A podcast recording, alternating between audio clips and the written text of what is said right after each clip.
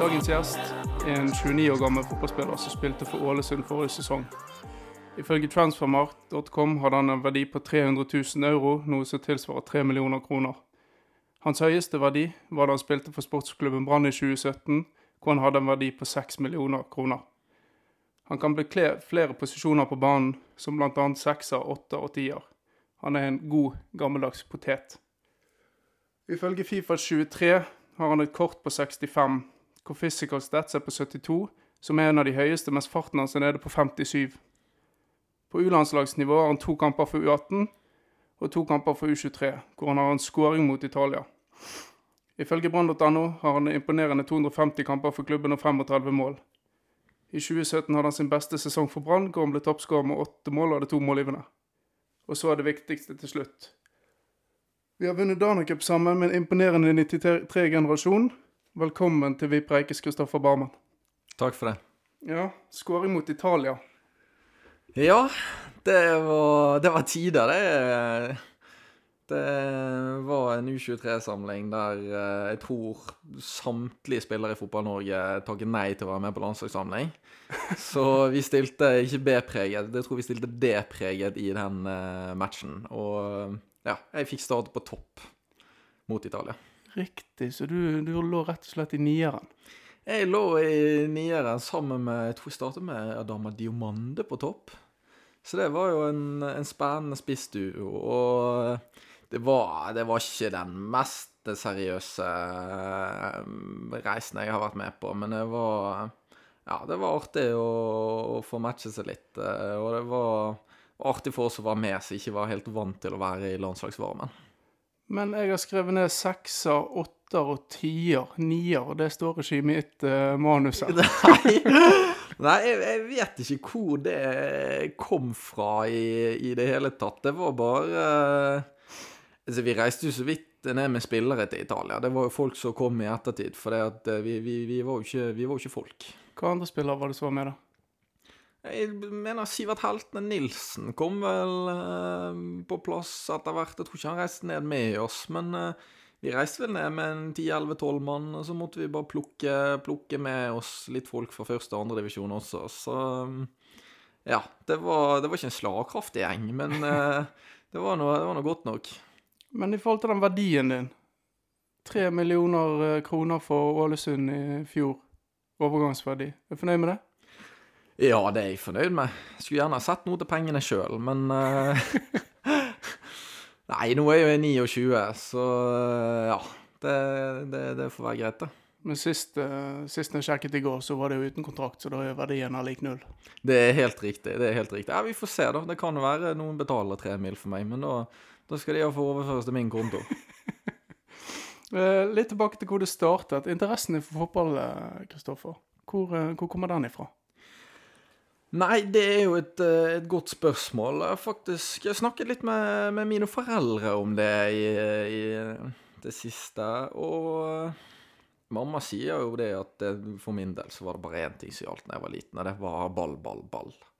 Jeg lekte aldri med, med biler eller hva andre folk driver med. Jeg vet ikke hva de driver med, men for meg var det det var ball 24-7. Eh, og så har jo jeg en far som tidligere har vært eh, fotballspiller også, så ja, det lå nok litt, eh, litt latent for meg. Og så ja, det, det, har egentlig bare fortsatt hele veien. Ball, ball, ball. Sånn er det i dag også.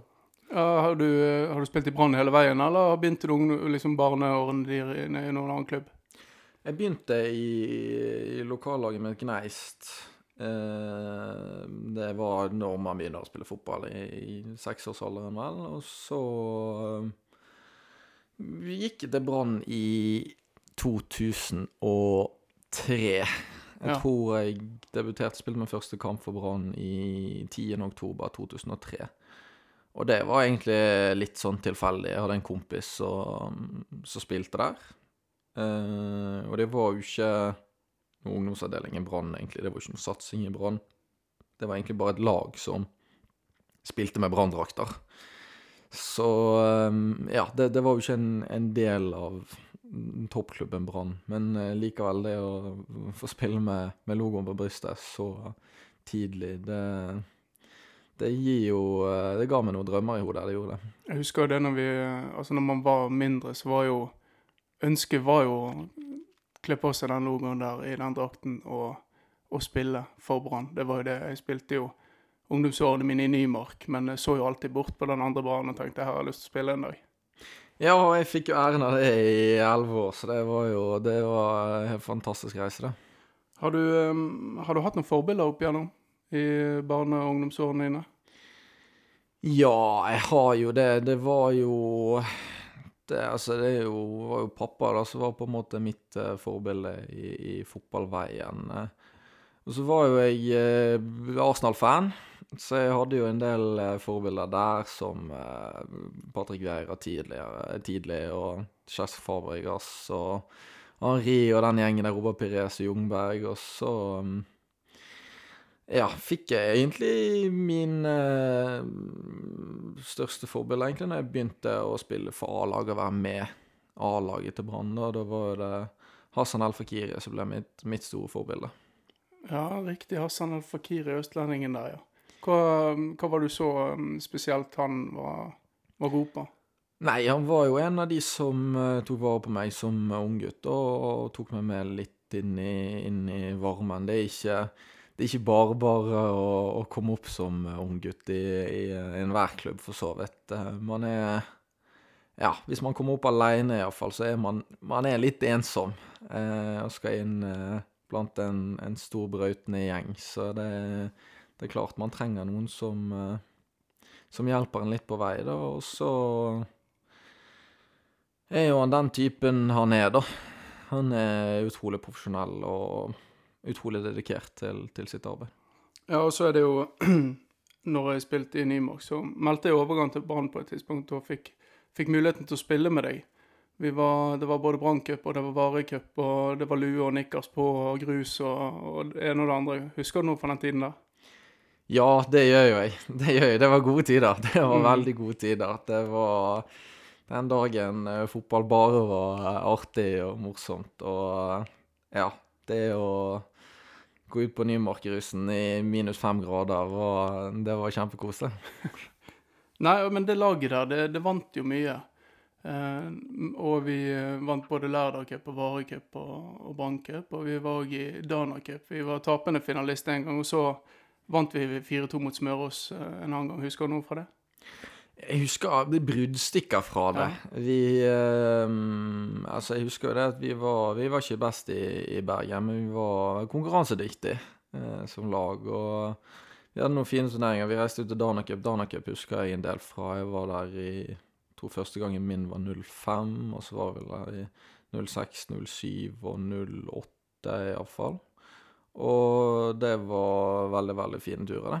Jeg tror, vi, jeg tror vi kom til et punkt med det laget der vi det var også Løvam eh, som var de to store. Men jeg tror vi kom til et punkt der vi overvurderte oss sjøl litt. Eh, vi ble jo invitert av Klaus Lundekvam og organiserte det slik at vi reiste over til Southampton. Husker du noe fra det? Ja, jeg husker det. Jeg husker vi fikk en Ja, vi fikk en tur til Southampton for å lære av en av toppklubbene i, i, England. Og jeg vet ikke hvor mye vi lærte. Vi ble iallfall pisset fullstendig på i en treningskamp der. Og innså vel det da at vi var Vi var et stykke unna å være verdensmestere, for å si det sånn. Jeg tror det var et eh, Jeg tror det gikk litt opp for oss hvor vi faktisk sto. For her kommer du til et anlegg med syv til ni helt strøkne gressbaner og vi spiller fire ganger 25 minutter mot Southampton sitt uh, sikkert U15-lag på det tidspunktet, eller U14. Uh, eh, fire ganger 25 minutter. Og vi ender opp med å tape 14-1, men vi skårer. Vi skårer. vi skårer. Vi uh, Jeg husker ikke hvor mye jeg spilte sjøl, men jeg spilte sikkert det meste av kampen. Men det var det å, det å gå på en sånn smell, altså. Det det, er det styggeste tapet i karrieren min. Ja, det tror jeg er mitt òg. Men det, man lærer jo av det. i hvert fall. Eh, videre derfra så kommer det jo et skille eh, der ungdomssatsingen til Brann blir mer profesjonalisert. Jeg går til Fana sammen med en annen kamerat, Thomas Helland, som har vært i podkasten tidligere, og du fortsetter i Brann å holde trøkket oppe. Um, hvordan uh, var den profesjonaliseringen av uh, ungdomsakademiet til Brann, da? Det ble opprettet en, en skikkelig ungdomsavdeling i Brann. Jeg lurer på om det var rundt eh, 2008. Der på en måte Ja. Brann skulle satse på, på, et eget akademi og skulle utvikle egne spillere. Så den gamle generasjonen med, med meg og deg, blant annet, vi uh, ja, det var ikke det at vi ikke var ønsket med videre, men det var Vi ble innlemmet i et nytt system der det kom inn Brann hentet jo kretslagsspillere i 92, 93, 94-generasjonen. 95-generasjonen også, etter hvert. Eh, så ble på en måte den nye satsingen i Brann, da. Og fra, fra, min tid, da, så jeg begynte i 03, som sagt, så var jo ikke det Det var ikke mange som ble med videre over i den nye satsingen. Eh, og det satte jo meg i en litt liten utfordra posisjon med en gang, da. Men eh, jo klart det var, det var jo artig. Jeg fikk, eh, jeg fikk plutselig trene med de som var jevnaldrende best i, i, eh, i, Bergen. da.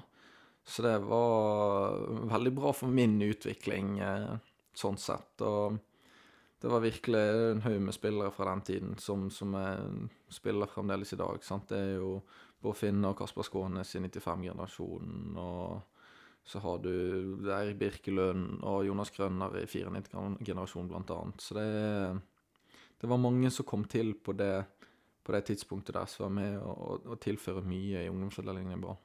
Ja, og så er det dette, Du fortalte jo om eh, at det, der, det vi holdt på med før, var mer lek og moro, og så går det over til å bli mer profesjonalisert. og det man kanskje glemmer litt, er at kroppen òg utvikla seg enormt på det tidspunktet. Hadde du noen utfordringer i å gå fra lek og moro til, til å bli mer profesjonalisert? Eh, ja Både òg, vil jeg si. Bortsett fra at jeg, jeg slet med Zlaters en periode, som mange eh, unge gutter gjør på den tiden. Så eh, var det egentlig helt eh, topp for meg. Ehm, jeg kunne spille fotball fem-seks timer for dagen for, for, min del, så jeg hadde bare lyst til å spille mest mulig fotball, så for meg var det, var det kjempeartig. Kjente du på et form for press å spille på det ungdomsakademiet, eller var det sånn at du hadde skylappene på og bare 'jeg skal til A-laget'? Det var, det var litt skylapper på, så jeg har alltid hatt en uh, Jeg har alltid vært litt naiv.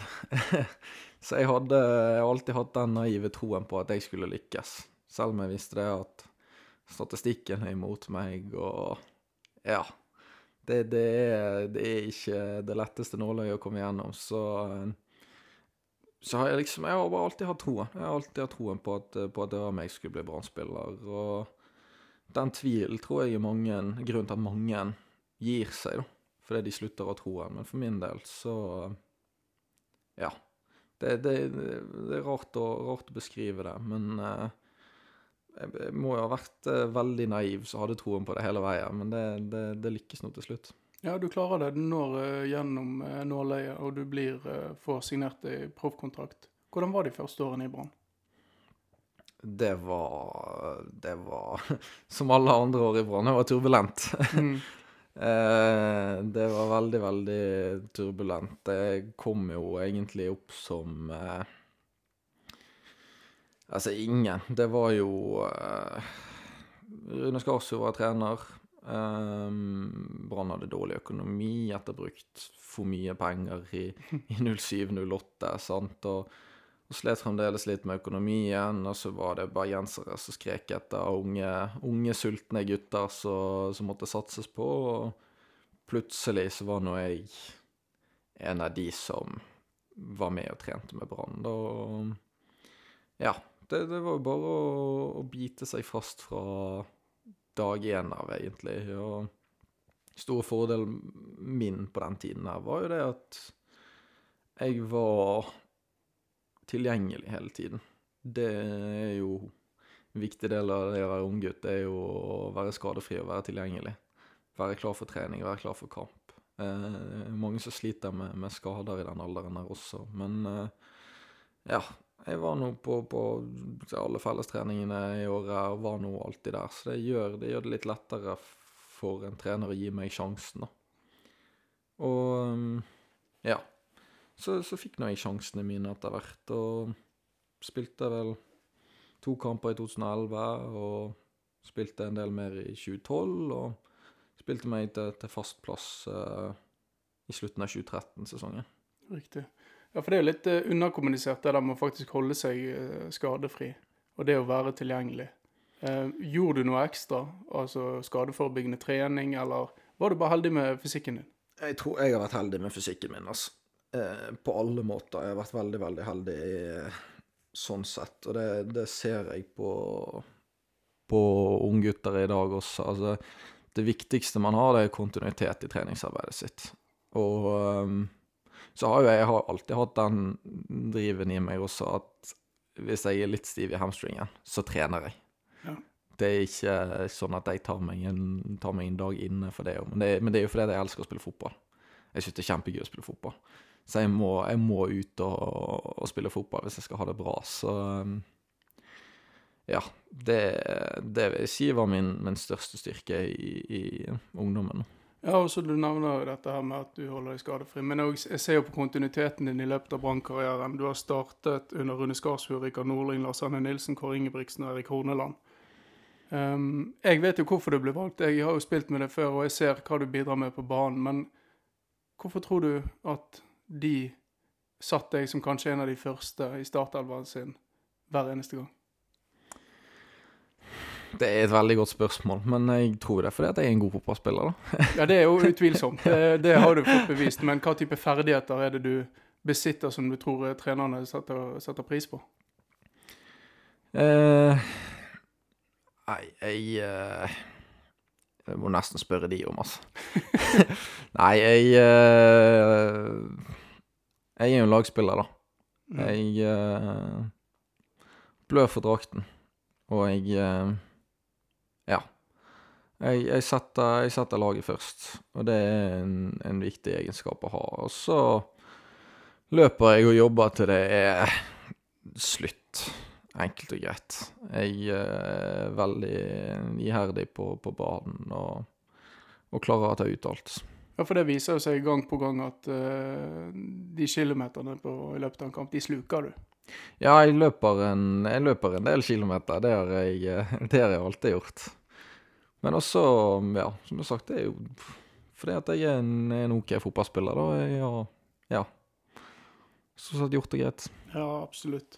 I 2017 så hadde du din eh, beste sesong for Brann, og du ender opp med åtte skåringer og to målgivende.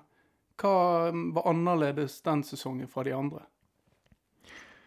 Det et godt spørsmål også. Nå Altså I 2014-sesongen, da vi rykket ned, så spilte jo jeg for et ganske middels fotballag. så, så enkelt er det. Jeg hadde ikke de beste arbeidsforholdene der. Og så kom 2015, som var en Obos-ligasesong som var vanskelig og rotete, fryktelig rotete. Og så rykket vi opp.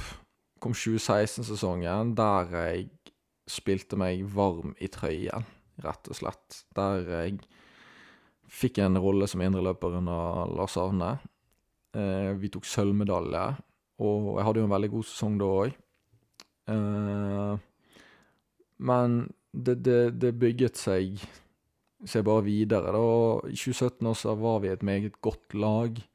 Eh, vi burde tatt medalje det året også, men vi slet Vi slet en del med skader mot høsten. Vi eh, ledet vel serien etter ti kamper, eller sånt. jeg husker ikke helt, men det var vel rundt ti kamper eller noe sånt. Og så sluknet vi litt mot høsten i, i forbindelse med at vi hadde mye skader og sånt, så eh, ja det var, de sesongene var ganske forløsende for min del.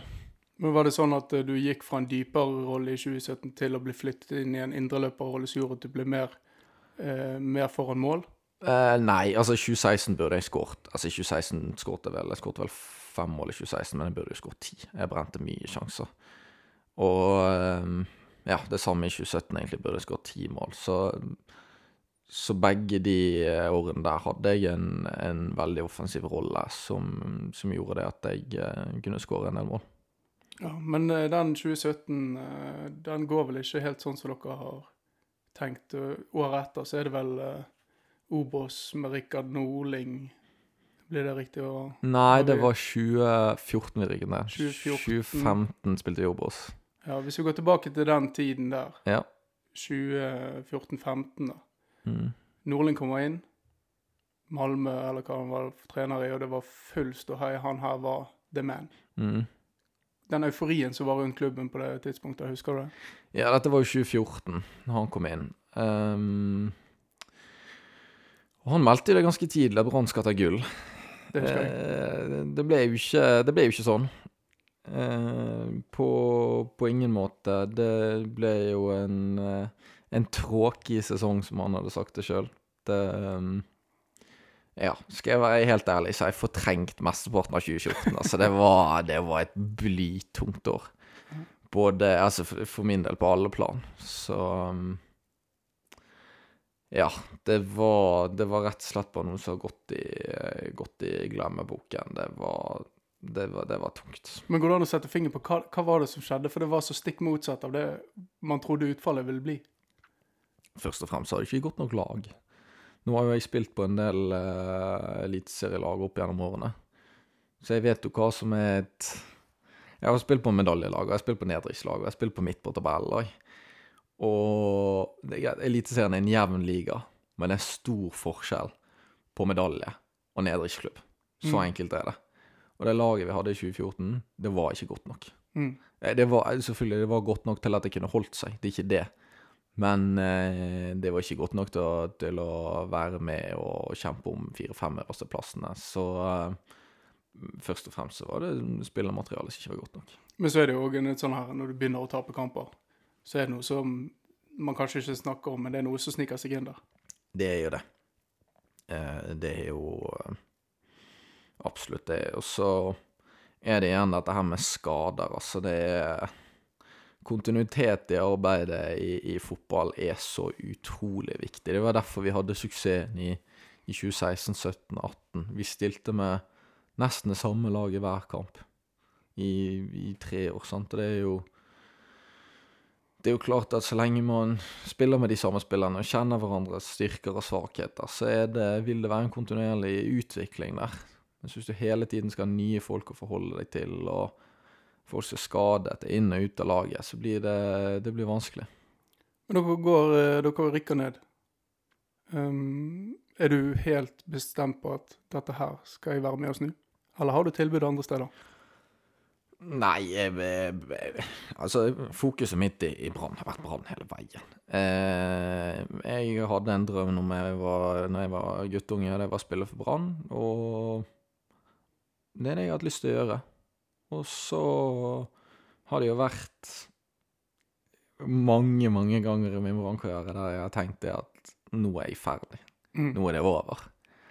Nå eh, Enten så er det ikke mer å gå på, eller så er jeg bare avskiltet eller avskrevet, eller blir ikke satset på, eller Ja, det, det, jeg har fått den beskjeden så utrolig mange ganger, så jeg har jo Ja. Jeg har, jeg har på en måte alltid klart å kjempe meg gjennom det. For, for, min, for min del har det aldri vært noe tvil. Mm. Det har vært i, i Brann jeg har hatt lyst til å være. Det, det er det jeg har lyst til å gjøre. Men så handler det litt om å Man må hele tiden være offensiv i hodet. Man må ha en offensiv mentalitet, en angripende mentalitet. For med en gang man begynner å bli defensiv og skulle på en måte forsvare plassen sin på laget og, og den type ting, så blir man ikke en spesielt god fotballspiller. Så for min del i, i 2015, Obos-ligasesongen, så slet jeg litt i starten med at jeg ble, jeg ble litt satt ut av nedrykket. Jeg ble litt passiv og litt, ja, litt defensiv, som jeg sier, og Mm. nesten litt redd.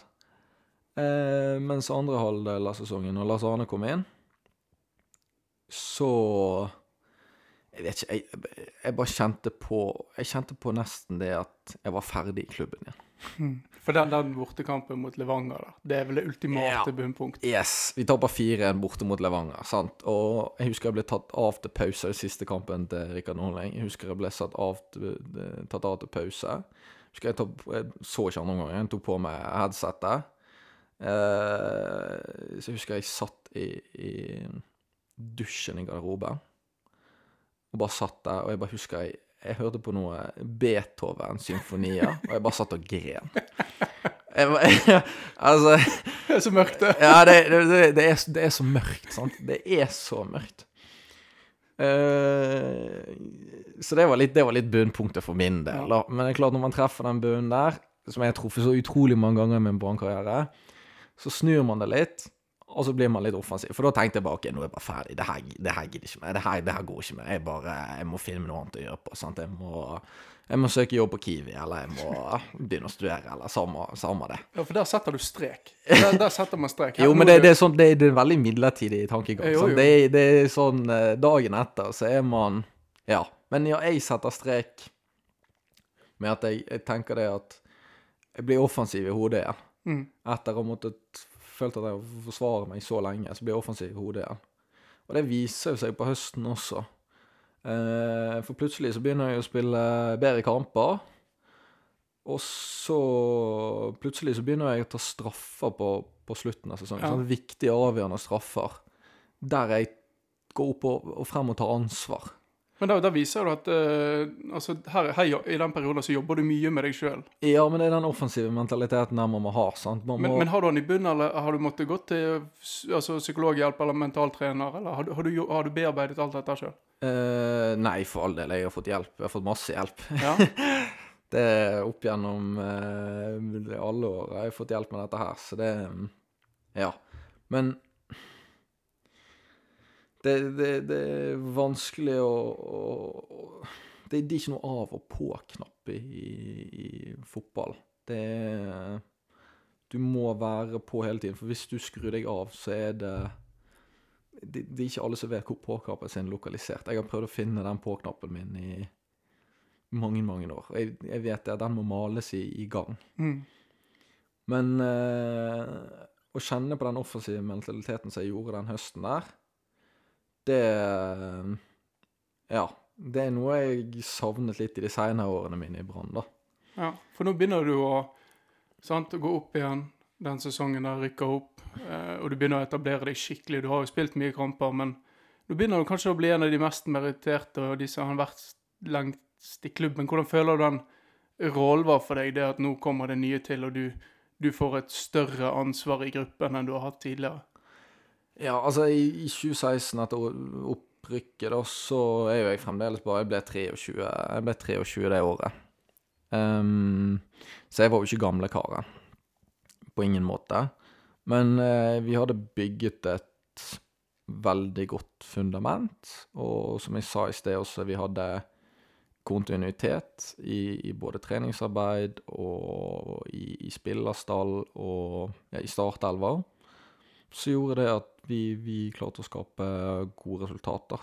Og i 2016 tok vi sølv. 2017 så tok vi femteplass, men vi burde tatt medaljer. Skader ødela mye for oss. Og så i 2018 så var vi med i gullkampen, og vi sviktet dessverre i gullkampen. Vi endte opp på bronse. Men det var jo tre fantastiske år Ja, ja. for Brann del. Og så vil jeg også slenge på 2019-sesongen, som for mange var en katastrofe. Altså, vi ender opp på niendeplass. Men etter 28 kamper i 2019, så ligger vi på sjetteplass. Vi har sluppet inn færrest mål i Eliteserien. Og vi var i et skifte den sesongen der, der vi hadde fornyet oss litt i forhold til spillerstallen. Så hvis vi hadde endt den sesongen her på sjetteplass og sluppet inn færrest mål, så hadde det på en måte vært greit. Men så de to siste kampene der, så taper vi 6-0 borte mot Strømsgodset og 5-1 hjemme mot Viking. Og det ødelegger jo bare alt. Det ødelegger hele sesongen. Og gjør det at det går fra å være en OK sesong til å bli en helt jævlig sesong. Og så kommer du inn i eh, korona. Hvordan var det å være fotballspiller i, i koronatiden? Kjempekjedelig. Fortell. Nei, det var kjempekjedelig. Nå var korona. Korona var 2020. Ja. Tiden går fort. Mm. Eh, nei, sesongoppkjøringen begynner egentlig som vanlig, da. Helt til eh, mars kommer og ting blir stengt ned og Ja. Alt blir jo bare lagt på is. Treningsleiren vår blir lagt på is. Vi får ikke leve å trene fotball i starten, og vi vet ikke når vi skal begynne. Mm. Restriksjoner på, på kamper, og tribunen er tom, og Ja, sånn sett var det et, eh, et ganske dødt år å spille fotball, og i tillegg så hadde jo ikke vi akkurat noe lag i Brann som det gnistret av. Det, det skal sies. Nå i 2019, slutten av 2019, så Ja, var jo det dette berømte som media og omtalte som spilleropprøret i Brann mot Lars Arne Nilsen, sant, der eh, Ja. Det, det var en del som ville ha han vekk. Eh, påstått. ja, for er det sant eller ikke sant?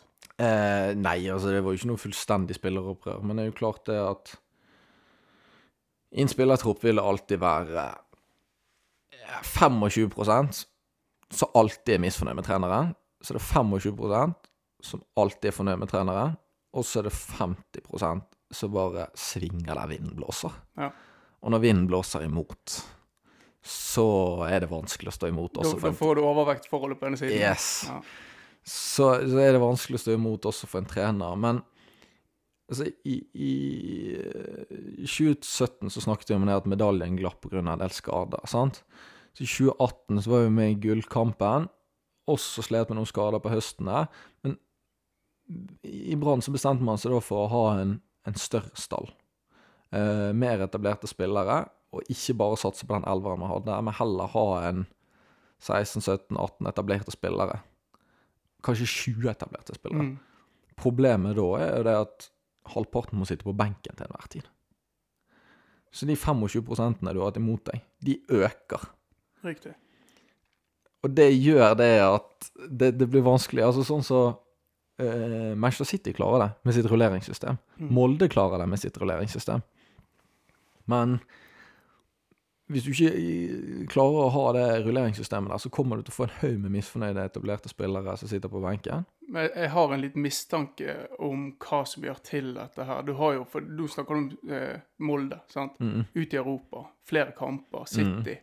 Flere kamper. Du kan si til en som på en måte ligger i skorpen til laget at du starter neste europaligakamp, eller du, du, du spiller i cupen. Dvs. Si at de neste to ukene så skal du være involvert i tre kamper. Mm. Det, da, da, kan du hjelpe, det kan hjelpe til å motivere de som sitter på benken hvis de ikke får spille seriespiller.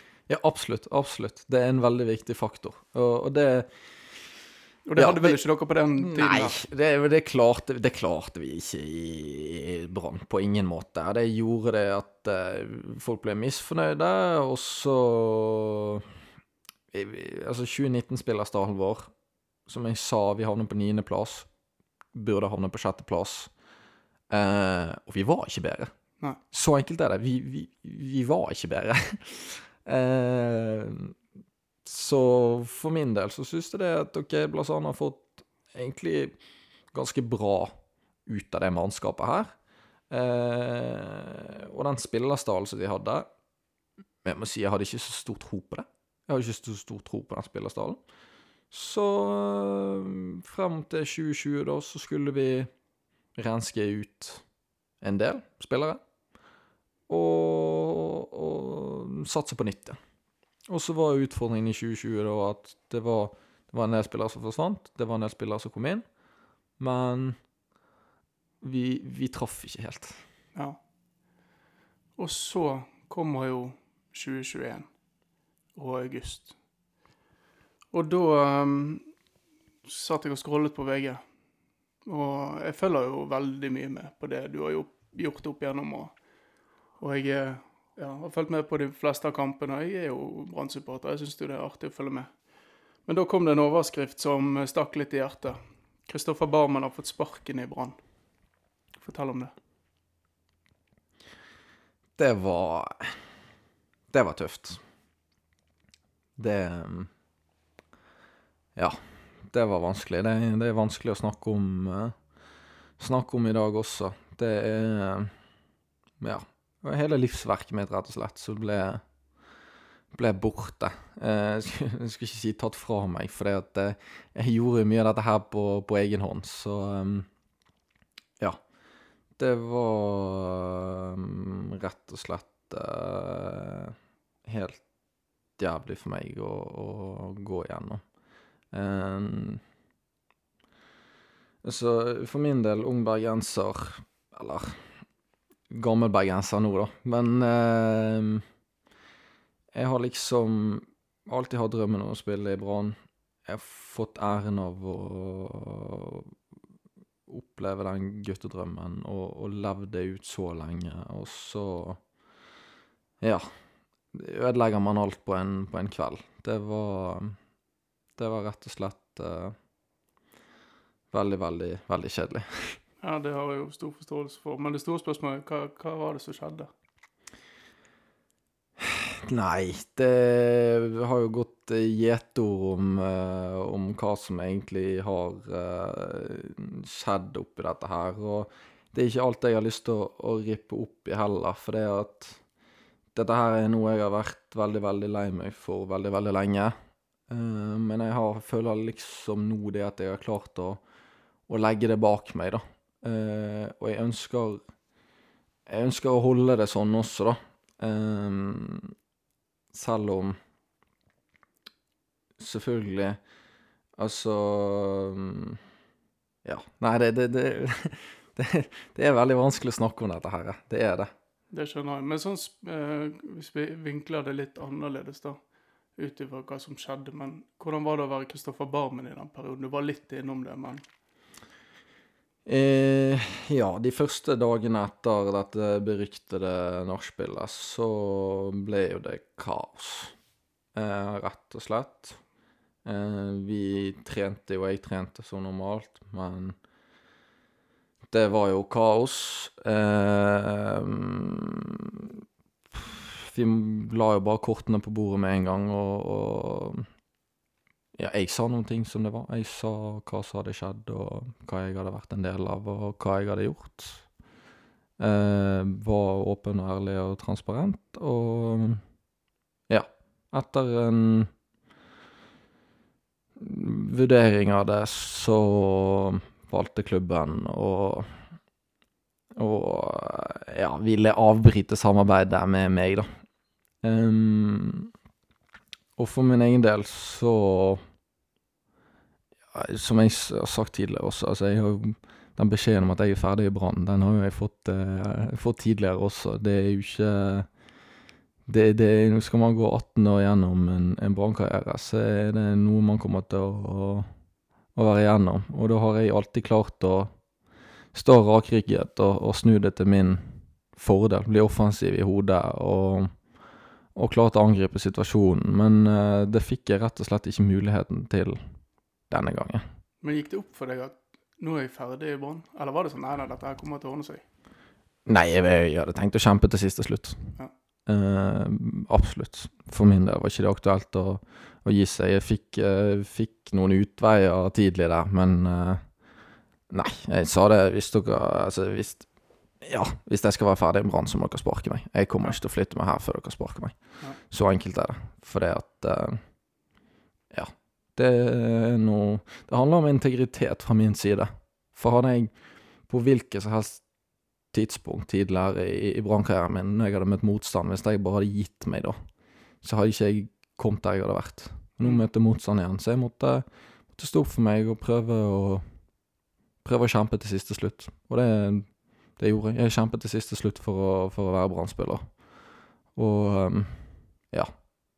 Når jeg, først, uh, når jeg først fikk beskjed om at jeg ikke fikk lov å komme lenger, da var det vanskelig å, å, å um, gjøre noe annet enn å takke for seg. Sett i ettertid er jo et uh, ganske dårlig spørsmål, men angrer du på, på det som skjedde? Selvfølgelig. Altså, det er jo uh, Ja, men det, det, det Selvfølgelig mye jeg skulle gjort annerledes i min brannkarriere. Jeg har ikke gjort alt perfekt. Jeg eh, Altså, jeg skulle gjerne vært en, en bedre fotballspiller, en bedre lagkamerat. Jeg skulle vært flinkere med supporterne, og jeg Mye jeg skulle gjort annerledes, selvfølgelig, men Men jeg har nå gjort mitt beste. Jeg, jeg føler jeg har gitt Altså, jeg har gitt det jeg har til klubben. Jeg har rett og slett ikke hatt mer å gi. Eh, og ja, selvfølgelig, det, det her eh, Det siste jeg gjorde i, i branntrøyen på på kveldstid på Brann stadion, det er selvfølgelig en helt ja, håpløs ting å gjøre. Det er det, det finnes ingen unnskyldning for det. Uh, jeg bare håpte Jeg hadde håpet det, det fantes tilgivelse. Jeg hadde håpet det fantes en mulighet å, å komme seg tilbake igjen fra det på, da. Uh, for det at det å gjøre noe som var så utilgivelig at jeg ikke kunne fortsette på, det, det trodde jeg ikke jeg skulle klare å gjøre. Men så, nå står du der på bar bakke. Sparken i brann. Eh, garderoben er pakket ut og Du står utenfor stadiondøren og tenker 'hva er veien videre'? Hvor, eh, hvordan forløp det seg i ettertid? Nei, altså ukene etter jeg fikk sparken, så jeg lå i sengen. Jeg lå i sengen i tre uker, egentlig, i strekk. Uh, og selv om jeg fikk sparken, så var jo ikke det sånn at jeg kunne Altså, jeg fikk jo tre måneders oppsigelsestid i, i Brann. Mm. Så ja, alle som har uh, vært i arbeidslivet, vet jo det at man ikke bare kan la være å møte på jobb heller. Så jeg hadde jo egentlig tenkt å møte på jobb, da i, i Brann og være der ute oppsigelsestiden min, for du kan ikke bare la være å møte på jobb. Og Brann holdt jo på spillerlisensen min, så det var jo ikke akkurat så jeg kunne finne meg en ny klubb og gjøre som jeg ville. Uh, men så til slutt så fant jeg en løsning med Brann der de frigjorde spillerlisensen min, sånn at jeg fikk signere for en, en ny klubb, da. Og den nye klubben er jo Ålesund, og treneren der er jo Lars Arne Nilsen, som har vært en uh, veldig stor fan av deg uh, opp igjennom. Å flytte til Sunnmøre og spille for Ålesund, hvordan var det? Nei, det var, det var artig. Jeg trengte å Jeg hadde vært gjennom en tøff sesong i, i Brann. Eh, egentlig tøff sesong året før også. Vi hadde ikke vi hadde ikke vunnet så mye fotballkamper på en lang, lang tid, så jeg trengte rett og slett å ha det litt gøy med fotball igjen, og, og vinne litt fotballkamper. Og en toppklubb i Obos-ligaen som vinner fotballkamper. Var egentlig helt perfekt for meg. Men så kom jeg opp der. Altså, jeg hadde jo bare ligget i sengen i tre uker, så jeg hadde jo jeg hadde gått ned syv kilo, og jeg hadde jeg, altså, jeg hadde jo ikke forutsetning i det hele tatt. Jeg var ikke til, mentalt til stede, jeg var ikke fysisk til stede, og jeg var Jeg var egentlig helt ødelagt. Uh, jeg skal, jeg skal avbryte. Jeg skal være helt ærlig med deg. Så satt jeg og så på TV 2-nyhetene, sporten der. Du kom med flyet. Eh, mener din kone òg var på flyplassen, men der så du direkte redd ut. Altså, du så ut som en skygge av deg sjøl. Ja, jeg var jo et skjelett, da. Jeg var jo helt uh... Altså, jeg var rett og slett helt ødelagt. Uh, så jeg var jo litt sånn OK, hvordan, hvordan i helvete skal det her gå? uh, men så kom jeg inn i en ny gruppe, en ny garderobe. Den garderoben var litt annerledes enn det jeg var vant til i Brann. I Brann var det litt mer eh, Det har jo også med, med, med, med fotballkampene, sant, og den selvtilliten i bunnen man snakker om. For det at det var en litt mer nedtrykt stemning i Brann, med tanke på det vi hadde vært igjennom egentlig hele det siste året. Mens i Ålesund så var det litt lettere og litt lystigere stemning.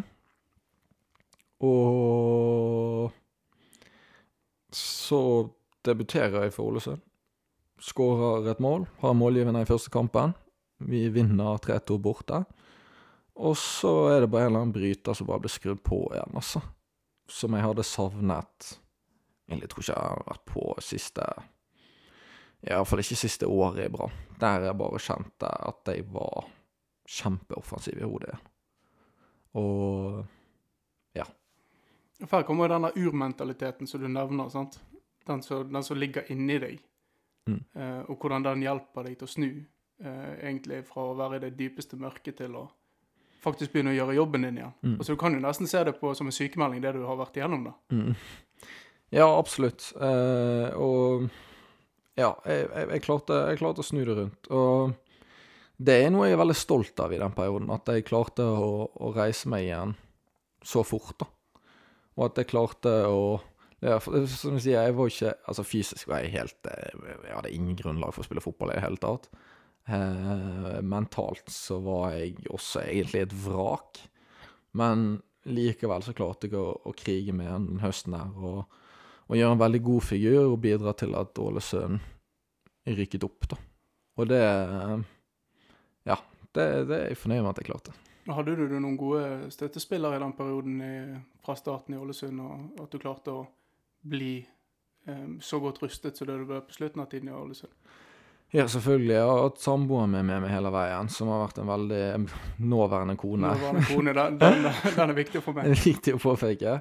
Eh, og så um, eh, ble jo jeg utrolig godt tatt imot oppe i, i Ålesund av eh, supportere, folk på butikken, folk som jobber i klubben, frivillig i klubben, spillergruppen. Eh, Det var eh, Ja. Det var veldig annerledes å, å komme til i en ny klubb enn jeg trodde det skulle være. I Brann så har jo jeg vært Altså, jeg har jo vært der første arbeidsdagen til alle spillerne som, som kom, så jeg har liksom blitt kjent med alle spillerne fra starten av. Mens nå var det min tur til å bli kjent med en, en etablert spillergruppe. Og komme fra utsiden og inn, da. Og det var kanskje noe jeg trengte, det perspektivet der, da. Og så er jo det den her eh, brannboblen som jeg levde inne i elleve år. Fortell om den, og hvordan det er å være i denne bobla. Det er, det er spesielt, altså. Jeg har Altså, jeg har levd i en, i en boble der jeg bare har fulgt min egen vei og gått min egen vei hele tiden. Jeg fant tidlig ut av det at media, sosiale medier, andres mening, det legger jeg et lite lokk på. Så skaper jeg meg en egen boble for å overleve det her presset og stresset som følger med å være Brann-spiller. Eh, og rett og slett stole på meg sjøl, mine egne vurderinger, og, og ja, stake ut min egen kurs. Og det funket jo veldig, veldig bra veldig, veldig lenge. Mm. Eh, helt til da 2020-2021 kom, der kursen min ble litt feil, for å si det sånn. Der eh, jeg nok kanskje burde åpnet opp og, og hørt på litt andre folk, istedenfor å bare følge min, min egen vei, da. Eh, men det var, det var alltid det som var suksessoppskriften min, sant, og ikke bry meg om hva andre sier, og selv eh, supportere, altså jeg burde jo inkludert meg mye mer, som bergenser burde jeg inkludert meg mye mer i, i, i supporter, blant supporterne. Men jeg isolerte meg sjøl på en måte for å beskytte meg mot alt utenifra. Og rett og slett bare følge den kursen jeg har satt meg ut av. Det, liksom, det var brannboblen min, da. Problemet som jeg sier, er jo det at den kursen etter hvert, den, den ble ikke så bra som den burde være. Og jeg begynte, jeg begynte å gå meg litt vill, rett og slett. Og så denne boblen som du har, eh, har laget deg. Eh, den får jo plutselig litt flere medlemmer. Både du har fått deg kone, og du har fått deg, eh, fått deg en unge. Jeg gratulerer med det. Jo, takk for det. Nå eh, Ja, jeg kom jo meg ut av, ut av brannboblen. Kommet inn i Ålesund-boblen i, i um, fjor og i, i forfjor der. Og det er en litt annen type boble igjen. Eh, men både min kone og eh, lille Max, som han heter, de, eh, de skal ikke være noe del av den boblen. For den boblen den er, ikke, den er ikke alltid like hyggelig å leve i, for å si det sånn. Men har du måttet uh, gjøre noen andre prioriteringer? Tenker du annerledes nå når du har blitt far? Eh, Ja, altså Lille Max kom jo til verden i oktober 2022, eh, så han er jo ikke så veldig gammel, egentlig. Eh, men det er jo klart, det, i månedene før så var jo det en del som måtte ta hensyn til med, med gravid eh, Ja. Med en gravid en hjemme også. Så um, ja, foreløpig så har det gått, eh, gått veldig greit. Han er jo ikke mer enn tre, tre måneder gammel, og nå har vi hatt ferie store deler av eh, tiden han har vært født. Så jeg har jo fått tilbringt veldig, veldig mye tid med han, og det har vært fint. Veldig, veldig fint. Men sånn i forhold til, Du har jo sikkert ting du må følge opp, altså søvn og du må trene sånn og sånn. Har, har du fått det tilrettelagt? Ja. Eh, man gjør vel egentlig det. Nå ble han født i oktober i fjor, sånn, så vi hadde vel en måned igjen av sesongen i, i fjor, da. Eh, og det klarte vi å løse på en god måte. Og etter det så har jeg, ja, som sagt vært ferie, og vi har fått masse, masse tid sammen. Og det har egentlig vært kjempekjekt. Ja, men så utrolig kjekt, og, og gratulerer igjen. Takk. Nå er du i Bergen. Året 2023 ligger for oss. Og det er sikkert mange som lurer. Hvor, eh, hvor ser vi Kristoffer Barmen eh, det kommende året? Jeg vet ikke, altså. Jeg eh, Ja. Jeg eh, har vært på ferie lenge og jeg har prioritert eh, familieliv og eh, bryllup, Ja. blant annet. Eh, så mm, fotball har kommet litt i, i andre rekke denne julen her, og så har jeg begynt igjen nå i, i januar og smått å tenke på hva, hva skal vi gjøre videre.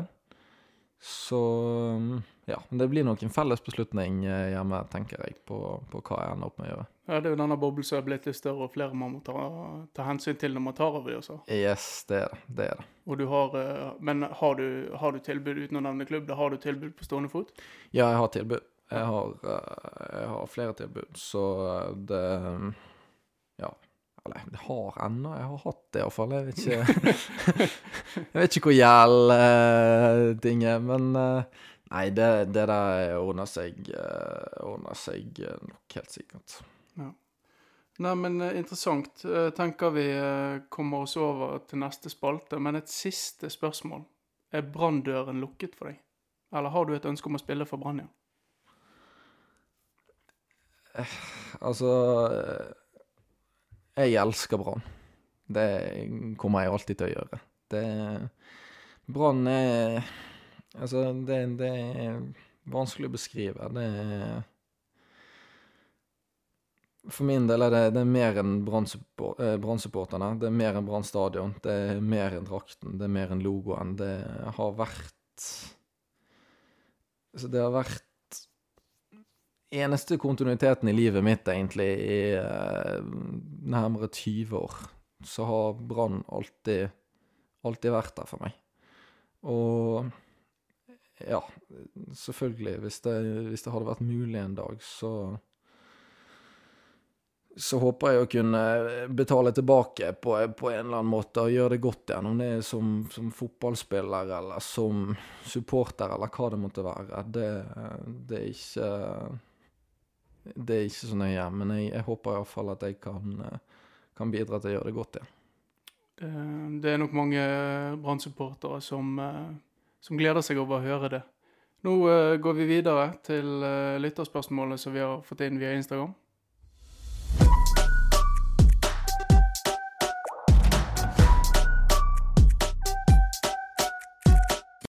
Første lytterspørsmål.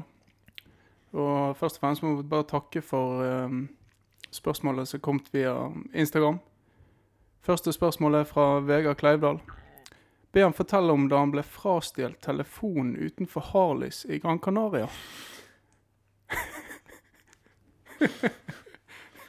Ja, det er en røverhistorie. Det er en, eh, en kjemperøverhistorie. Nei, vi var på Ja, vi var nå egentlig bare på ferie på, på Gran Canaria. Eh, og står ute på utenfor en, et utested der, og så er det en som napper telefonen ut fra baklommen min og setter på sprang. Og jeg løper etter han, og vi løper langt. Vi løper sikkert en 300-400 meter før jeg klarer å ta han igjen. Og hockeytakler han. og ja.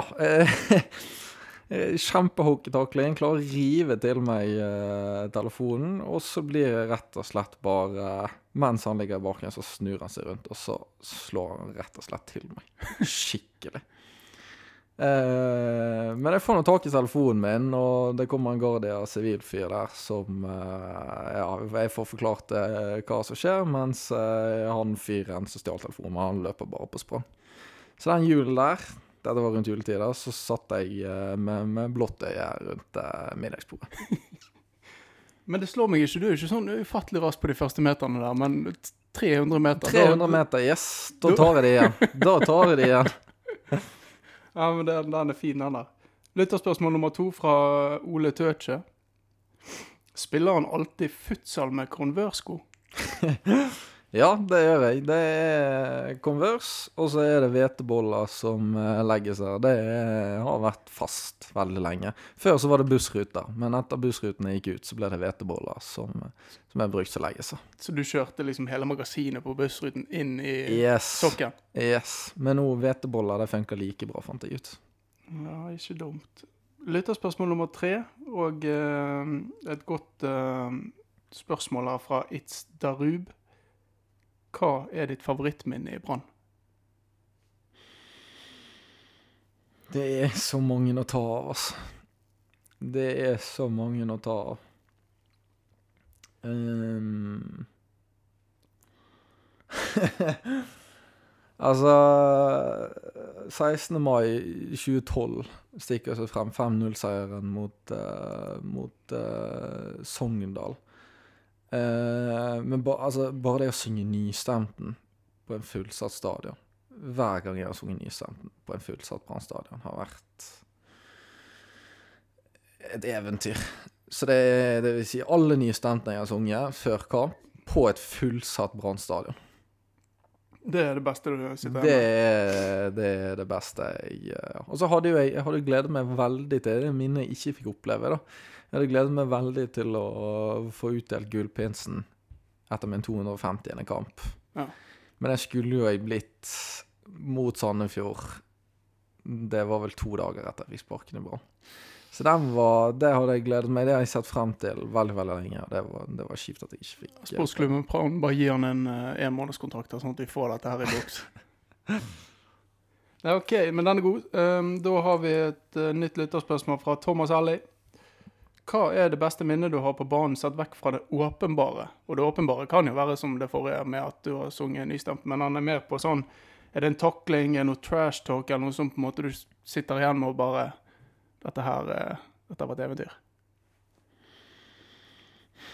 Ja Det Men altså, de, de fleste Det meste knytter seg opp til, til fotballprestasjoner, da. Uh, hva er det Er det et mål eller noe sånt du husker bedre enn andre? Hva eller? er det råeste hva, Ja, det er jo selvfølgelig uh, Erik Mjelde mot Lillestrøm.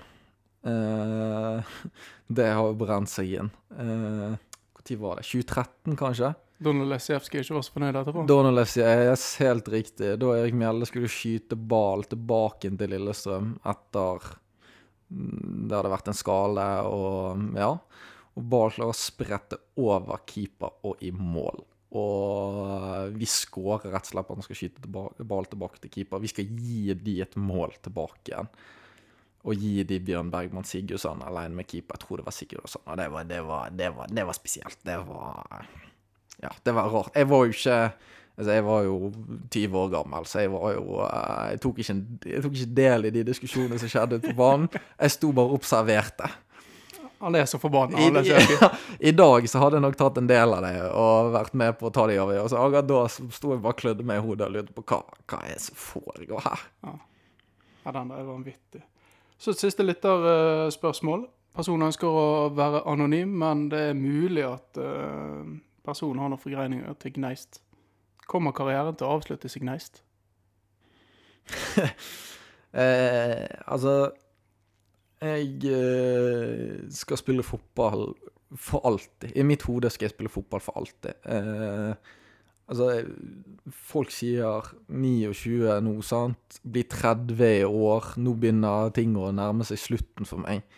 Eh, For min del er det helt uforståelig. Jeg har lyst til å spille fotball på toppnivå så lenge jeg klarer, og så skal jeg spille fotball på, på breddenivå så lenge jeg klarer etter det. og hvor det eventuelt blir, det vet jeg ikke. Men eh, skal iallfall spille til jeg er over 50.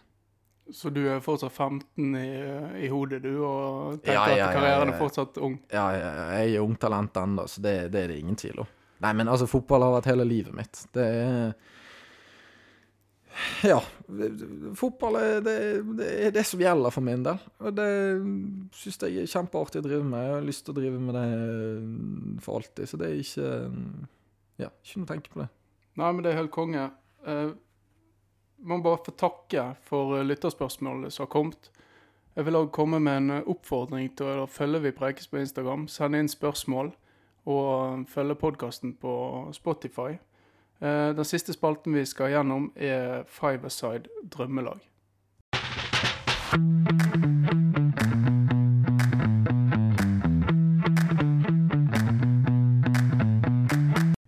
Ja, Kristoffer. Da er vi kommet til Five Aside drømmelag. Eh, hvem har du valgt å sette opp som din første spiller? Vi trenger en keeper, da. Eh, og vel, sånn five-a-side-mål pleier å være litt mindre enn vanlige mål. Så eh, da velger jeg den breieste keeperen jeg kjenner. Og det er Pjotr Lesijevskij. Ja. Han eh, Jeg har ikke sett han på noen år, men eh, jeg regner med Altså, jeg velger jo selvfølgelig spillere som jeg har spilt med her. Ja. Dette her er Ja. Spillere som jeg har spilt med, og Pjotr bare regner jeg med er veldig mye over 100 kilo nå, og dekker nok et helt five-side-mål. Men er han god nok med beina til å ha han eh, inne der i en, eh, en halv? På ingen måte. Men er vi skal ikke spille så mye med beina. Vi skal slå mye langt, så det, det går helt fint. Spennende. Hva er det andre du har valgt? Nummer to er jo vi har jo, Jeg skal ha én mann bak, og det er Ruben Kristiansen. Eh, jeg spilte en futsalturnering med han i, i Kautokeino. I ja, 2014-2015? kan- Nei, 2015 var det. 2015 var det. Og Eller 2016. 2015 eller 2016. Uansett, han var bare Vi vant turneringen der oppe. Han var helt rå. Han var helt fantastisk. Han spilte forsvar alene, og eh, han kan spille forsvar alene uansett. Han, eh, om han kommer to mot én eller tre mot én, det spiller ingen rolle. Og det kommer til å skje ofte med det laget jeg har satt opp her, så det Ja. Men det er helt fascinerende å gå fra venstreback, sånn som han har gjort denne sesongen, inn og spille stopper, og se hvor vanvittig bra han har taklet det. Ja, men han er jo så god at det er Ja. Og at han er oppe i 30-årene, det, det merkes jo ikke engang. Nei, det, det, det gjør ikke det. Han er Han er fantastisk fotballspiller, fantastisk person, så det Ja, han må med. Godt valg. Spiller nummer tre. Eh, Daniel Bråten. Selvfølgelig. Eh, Daniel Bråten er altså Jeg regner med det at han har fysikk som en 25-åring fremdeles. Det tror jeg òg. Han er Jeg har spilt fire mot fire med han på trening, og det er jo bare altså Han er jo en brytebil som er umulig å, å stoppe, rett og slett. Eh, så få han inn der. Man må få han litt i humør også. Han, jo, han var jo en humørspiller. Eh, så ja. Men, men også en fantastisk eh, varm person, og um, han må, han må med. Så ut som bare gikk rundt og smilte. Var veldig sånn lun. Rett og slett et eventyr av en, en type. Det var, det var en, en ære å få lov å, å spille med han, og ja, han var med på det laget her. Men hvordan var det å komme i kropp på han når han var i fart? Det var helt, det var helt umulig. Jeg hadde Jeg begynte faktisk på trening og møtte han fire mot fire. Så begynte jeg bare å, å, å bare rive han ned. Bare gå, bare gå i mann, rett og slett. Problemet da var jo det at han bare brøytet meg ned, og så løp han videre. Så det var, det var, det var sjanseløst. Det er så sykt, det. Daniel Bråten din som nummer tre der, og på fjerde, da har du Da har jeg Bentley Aker Buese. Oi! Nigerianeren? Det, det er en diamant. Det er en diamant jeg ikke har tenkt på på en stund. Men uh, kanskje den beste sånn fire mot fire, fem mot fem-spilleren jeg har møtt, altså. Uh, utrolig sterk i, i, kroppen. Utrolig god å beskytte ball. Slegger ved en venstrefot. Uh, så var jo han altså Han var jo ikke noen driblekant, men han var jo en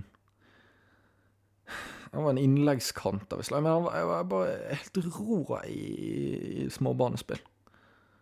Så han må, han må med. Men uh, altså, han, han, er litt undervurdert, syns jeg. Jeg syns at han var, han var, han var bra i Brann. Ja, han, han, fikk jo mye Han fikk jo mye pes i starten, men han han kommer fra dette her 4-3-3-innleggssystemet i, i der han bare skulle rundt på kant og slå innlegg, til å bli brukt litt annerledes i Brann, som ikke passet han så veldig godt, egentlig. Men uh, ja, eh, når det gjelder småbarnespill, så er han bare en av de beste jeg har spilt med. Vet du, vet du hvor, han, hvor gikk han etter uh, Brann? Har, du hørt noe fra han? Gikk han tilbake til Odd? Nei, han har ikke hørt noe. Jeg var faktisk romkamerat med han en periode. Jeg har faktisk vært romkamerat med nesten alle på det laget her. jeg tenker meg om. Ja, den er ikke dum. Og sistemann, nummer fem. Nummer fem. Min helt, min favorittspiller som jeg har spilt med i Brann opp gjennom tidene, som må få være med, det er Aune Heggebø. Aune Heggebø, ja. Det er Aune Heggebø. Altså Åh, jeg skal beskrive Aune Heggebø. Jeg vet ikke hvor jeg skal begynne engang. Uh, jeg husker Jeg husker de første treningene han kom opp og var med oss på A-laget. Jeg husker jeg sa det til, til noen kompiser av meg, så sa jeg det at Aune Heggebø. Bare husk navnet Aune Heggebø. Så spurte jeg liksom ja, hva er han, er han god, er han, er han rask, er han god dribler, er han, har han god teknikk, er han god avslutter? Så jeg nei, han er, ikke, han er, ikke, så god på det akkurat nå, men han kommer til å bli jævlig god, for det lyser i øynene hans. Og altså, maken til vilje og, og tæl i en unggutt, det, det er litt det jeg har savnet fra de her, eh, en del av de ungguttene som kom opp i Brann. Det er den her eh, indre driven og gløden etter å bli bedre. For det at du kan bli god å avslutte hvis du gidder å trene på det. Du kan bli, bli godt førsttouch hvis du gidder å trene på det. Og under Heggebø har bare stått, han har stått timevis på Nymarken og blitt bedre og bedre og bedre for hver dag. Og nå syns jeg han har blitt en, en klassespiss. Og det, det, det, det, sitter bare opp i hodet på han. Og du så det også fra han når han kom, altså han begynte jo å sparke ned Biss på de, altså Bismar Costa på de første treningene. Det er jo ingen som gjør. Han begynte å ta Bjørn Lesijevskij. Altså, han gjorde jo ting som, som, man egentlig ikke skal gjøre som ung gutt. Men han var bare helt, helt vill i hodet. Og... Han, han, har jo litt den der, eh, den der eh, Daniel Bråten-brautingen i seg. Ja. Absolutt. Absolutt. Og jeg, jeg, jeg, eh, jeg syns det er helt rått. Og så er det Det jeg også har likt så godt med han, er det at du spør liksom hvis du spør de her ungguttene Jeg har spilt med en haug med unggutter i Brann. Hva, hva, de har lyst til å gjøre, hvor de har lyst til å spille, hvor de har lyst til å være. Så er det liksom Fra Aune Heggebø så er det bare én ting som har vært klart hele veien. Jeg har lyst til å spille i Brann. Det er så enormt, det. Ja, det, det, det syns jeg. Jeg synes det bare er, er, helt rått. Han er akkurat der han har lyst til å være. og ja, Kjemper og kriger for det hver dag. Og jeg, jeg syns det er utrolig kult. Men hvis du skal komme med en spådom angående Aune Heggebø Én ting er at han har lyst til å spille i Brann, men hvor tror du han hva er toppnivået til Aune Heggebø? Hvor, hvor, hvor, ser du han? Nei, Det var jo det jeg var usikker på, For jeg så med en gang når han begynte å trene med oss, så så jeg OK, hvor Altså, han kommer til å skåre mye mål, men er det i Altså, i karrieren sin, men er det i tredje divisjon, er det i andre divisjon, er det i første divisjon, er det i eliteserien? Så har han liksom utviklet seg noe helt enormt og blitt bedre og bedre og bedre. Og akkurat i dag så syns jeg han er en god eliteseriespiss. Og så er spørsmålet om han man kan bli enda bedre, om man kan gå ut på denne internasjonale arenaen og, og, bli enda bedre. Men jeg håper jo det at altså jeg håper jo det at han blir en Harry Kane i Brann. Jeg håper jo det at han spiller i Brann i, i ti år og bøtter inn 15 mål i Eliteserien hvert eneste år for Brann. Det jo, det er jo drømmen min for Aune Heggebø. For jeg, jeg elsker fotballspilleren Aune Heggebø. Og det, det blir spennende å følge med på. Um, hvordan han vil gjøre det i året som kommer. For det er jo det er en som skårer mye mål for, uh, for Brann og har potensial til å skåre enda flere. Så det var en liten hyllest til Aune Heggebø. Min favorittspiller. Ja, den, den, kjøper jeg. Men da sitter vi med et lag. Pjotr Lesijevskij, Kristiansen alene bak. Daniel Bråten, Bentley Akabuese og Aune Heggebø. Mm. Det er et enormt fotballag. Det er et enormt fotballag. Og så må jeg må ha med én mann på benken, selvfølgelig. Ja. Også en tidligere romkamerat av meg, selvfølgelig. Det er Asa Karadas. Han, han, han må få seg noen sluttminutter her, altså. Fin å sette inn på slutten. her. Han må få seg noen sluttminutter her. Og jeg vet ikke hvor lenge vi skal spille, men eh, Daniel Bråten holder nok ikke ut hele kampen. Det gjør han ikke. Så på et eller annet tidspunkt her så, så må han eh, få være med på topp. Han kan faktisk være, han kan være spilletrener på dette laget. Men uh, da, da setter vi det som et utgangspunkt. Vi har Asa som spilletrener, og de fem utpå. Mm. Eh, dette har vært et eventyr å få muligheten, og at du tok deg tid til å, å prate med meg. Ja, Eh, Det var hyggelig å komme. Jeg håper, jeg håper du har fått eh, tømt det litt, og fått sagt ting eh, sånn som du har lyst til å si det. Og så må jeg egentlig bare få sagt tusen takk, og vi prekes. Vi prekes.